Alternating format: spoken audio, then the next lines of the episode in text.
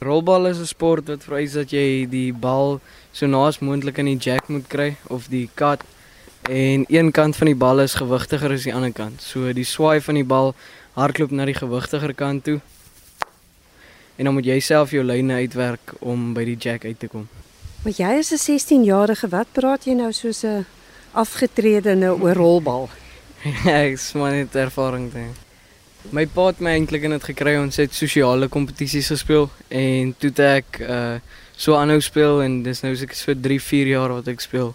Ons praat nou met Jaden Burkett wat Junie verlede jaar 'n massiewe bloeding op die brein gehad het wat sy brein met 1,5 cm laat skuif het en hier vertel jy nou vir my hoe om rolbal te speel. Ja, dit is wonderwerk. Ek is baie dankbaar vir die geleentheid wat ek gekry het om te kon speel. Ek sou net ek kan nie meer rugby speel nie, maar ek het nog steeds baie ander sportsoorte waarna ek kan deelneem. Jy moet jouself aanpas en uitwerk hoe die dinge gaan loop. Dit is 'n groot aanpassing om te verander van sportsoorte so en ek moes veranderinge maak. Ek speel by die skool cricket en ek's nou ingesluit in die skool se golfspan.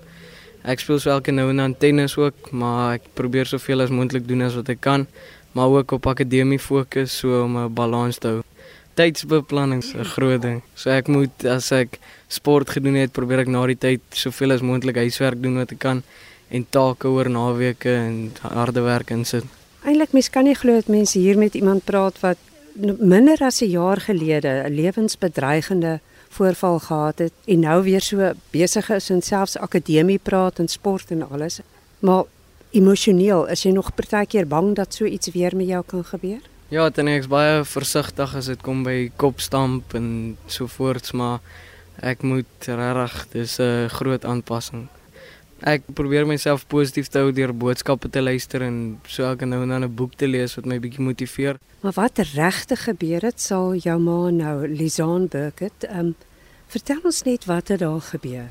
Basies 18 Junie 2022 het my lewe tot 'n stilstand gekom.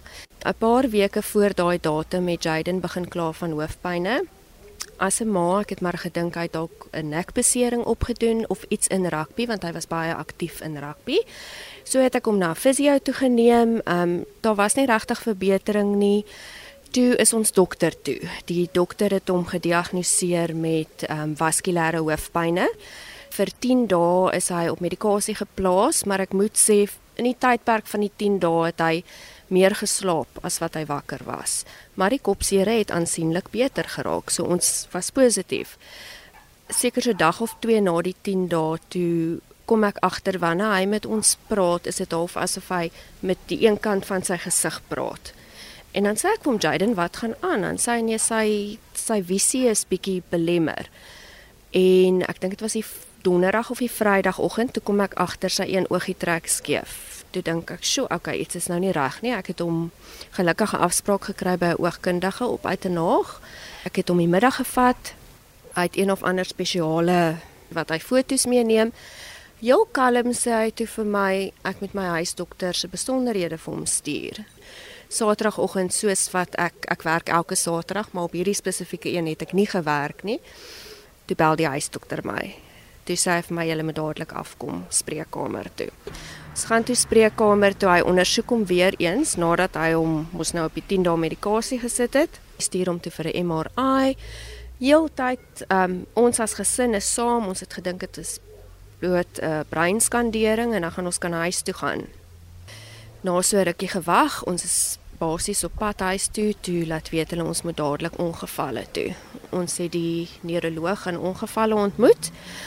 Hy het eers met Jaden gesels en hy kom toe na my en my man toe en hy verduidelik toe die hele situasie van dis 'n massiewe breinbloeding, 6.5 by 4.5 cm wat toe nou die brein laat skuif het. En hy moet dadelik opereer. My man sê toe vir hom, "Oké, okay, kan ons net 'n dag of twee kry om die situasie te verwerk?" Hy sê toe daar sê 'n dag of twee nie. Hy sê ek kan nie laat julle uitry by hierdie hospitaal nie want as julle oor 'n spoedhobbel gaan, kan hy doodbloei dit was seker hier by 2:00 3:00 die middag 5:00 toe stoot hulle hom teater toe. Voor die operasie het die neuroloog gesê hy vermoed hy so gebore. Maar na die operasie toe verseker hy ons dit is as gevolg van multiple head injuries. en ongelukkig Rugby. is al wat dit kan wees. Maar ja, ek neem aan wat toe maar gebeur het is 'n paar kopstampe gewees soos wat hy vir ons verduidelik het. Dit bloei, dit raak droog, dit bloei, dit raak droog en dit het nou hierdie massa gevorm. Lizaan Burkett, die ma van Jaden wat so ek sal maar sê wonderbaarlik herstel het, wat minder as 'n jaar gelede so massiewe breinbloeding gehad het. Maar een van die redes hoekom ek ook by julle kom kuier het op Kariga is daar eintlik 'n gemeenskapswonderwerk ook gebeur. Deur en deur ek ek het nooit in my wildste drome gedink. 'n gemeenskap, vriende, familie mense van Kariga wat so bymekaar kan staan, mense wat ons van geen kant af ken nie, nie net in die Oos-Kaap nie, reg oor die wêreld. Met die intrapslag outomaties na die neuroloog ons ingelig het hy moet dadelik opereer, toe vra my man vir hom wat is die koste aan so iets, toe sê hy dis 350 000.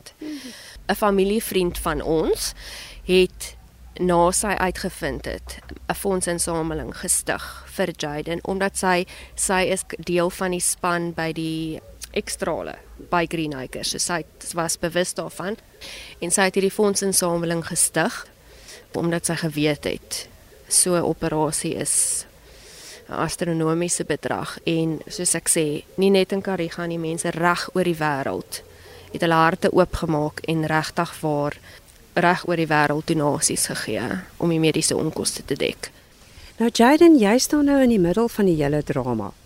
En hier te gemeenskap wat jou nie eers ken gehelp bydra en so aan. Hoe voel jy daaroor? Ek kan nie veel onthou van alles nie, maar ek is ongelooflik dankbaar en dis indrukwekkend hoe mense baie mense wat jy nie eers ken nie bydraes gelewer het en wat gehelp het. Ironies genoeg, 'n dag voordat hy hospitaal toe is, het hy nog sy sussie se kamer uitgeverf. En dit na die dokter vir ons gesê het hy het in sy lewe nog nooit so bloeding gesien wat nie fataal was nie. So weer eens bewys dit net dit is 'n wonderwerk, is al wat dit is. Nou hier's Nick Burger ook hier by ons, uh, Jaden se pa. Hoe het jy hierdie mens wil amper nie sê hierdie periode in jou lewe maar hierdie groot krisis beleef? Dit was baie skrikwekkend om hoe dit gebeur het um, om te vat dat hy 'n uh, baie goeie rugby speler was en hoe so vinnig het hulle met opereer en dat dit so vinnig gebeur het jou kinders so voor jou dit lewe so gaan sien gaan. Maar ja, ek dink dit het baie beter goede en goeie goede uitgebring aan hom. Baie positief vir die lewe. Ander sporte getraai, ek en hy saam begin rolbal speel. Ehm um, soos jy nou van gepraat het van sy prestasie in die OP. Ehm um, en dan ook sy cricket en sy sy golf en alles sy akademie doen nou ook baie goed. So ons baie trots op hom. Ons is baie gelukkig. Daar's ehm um, niks groot skade met Jaden nie en dit ehm um, lyk goed. Obviously sal hy nooit weer kan kontaksport of rugby speel nie, maar hy is nog sterk en gaan support sy maatjies en ek dink sy toekoms vorentoe lyk baie goed.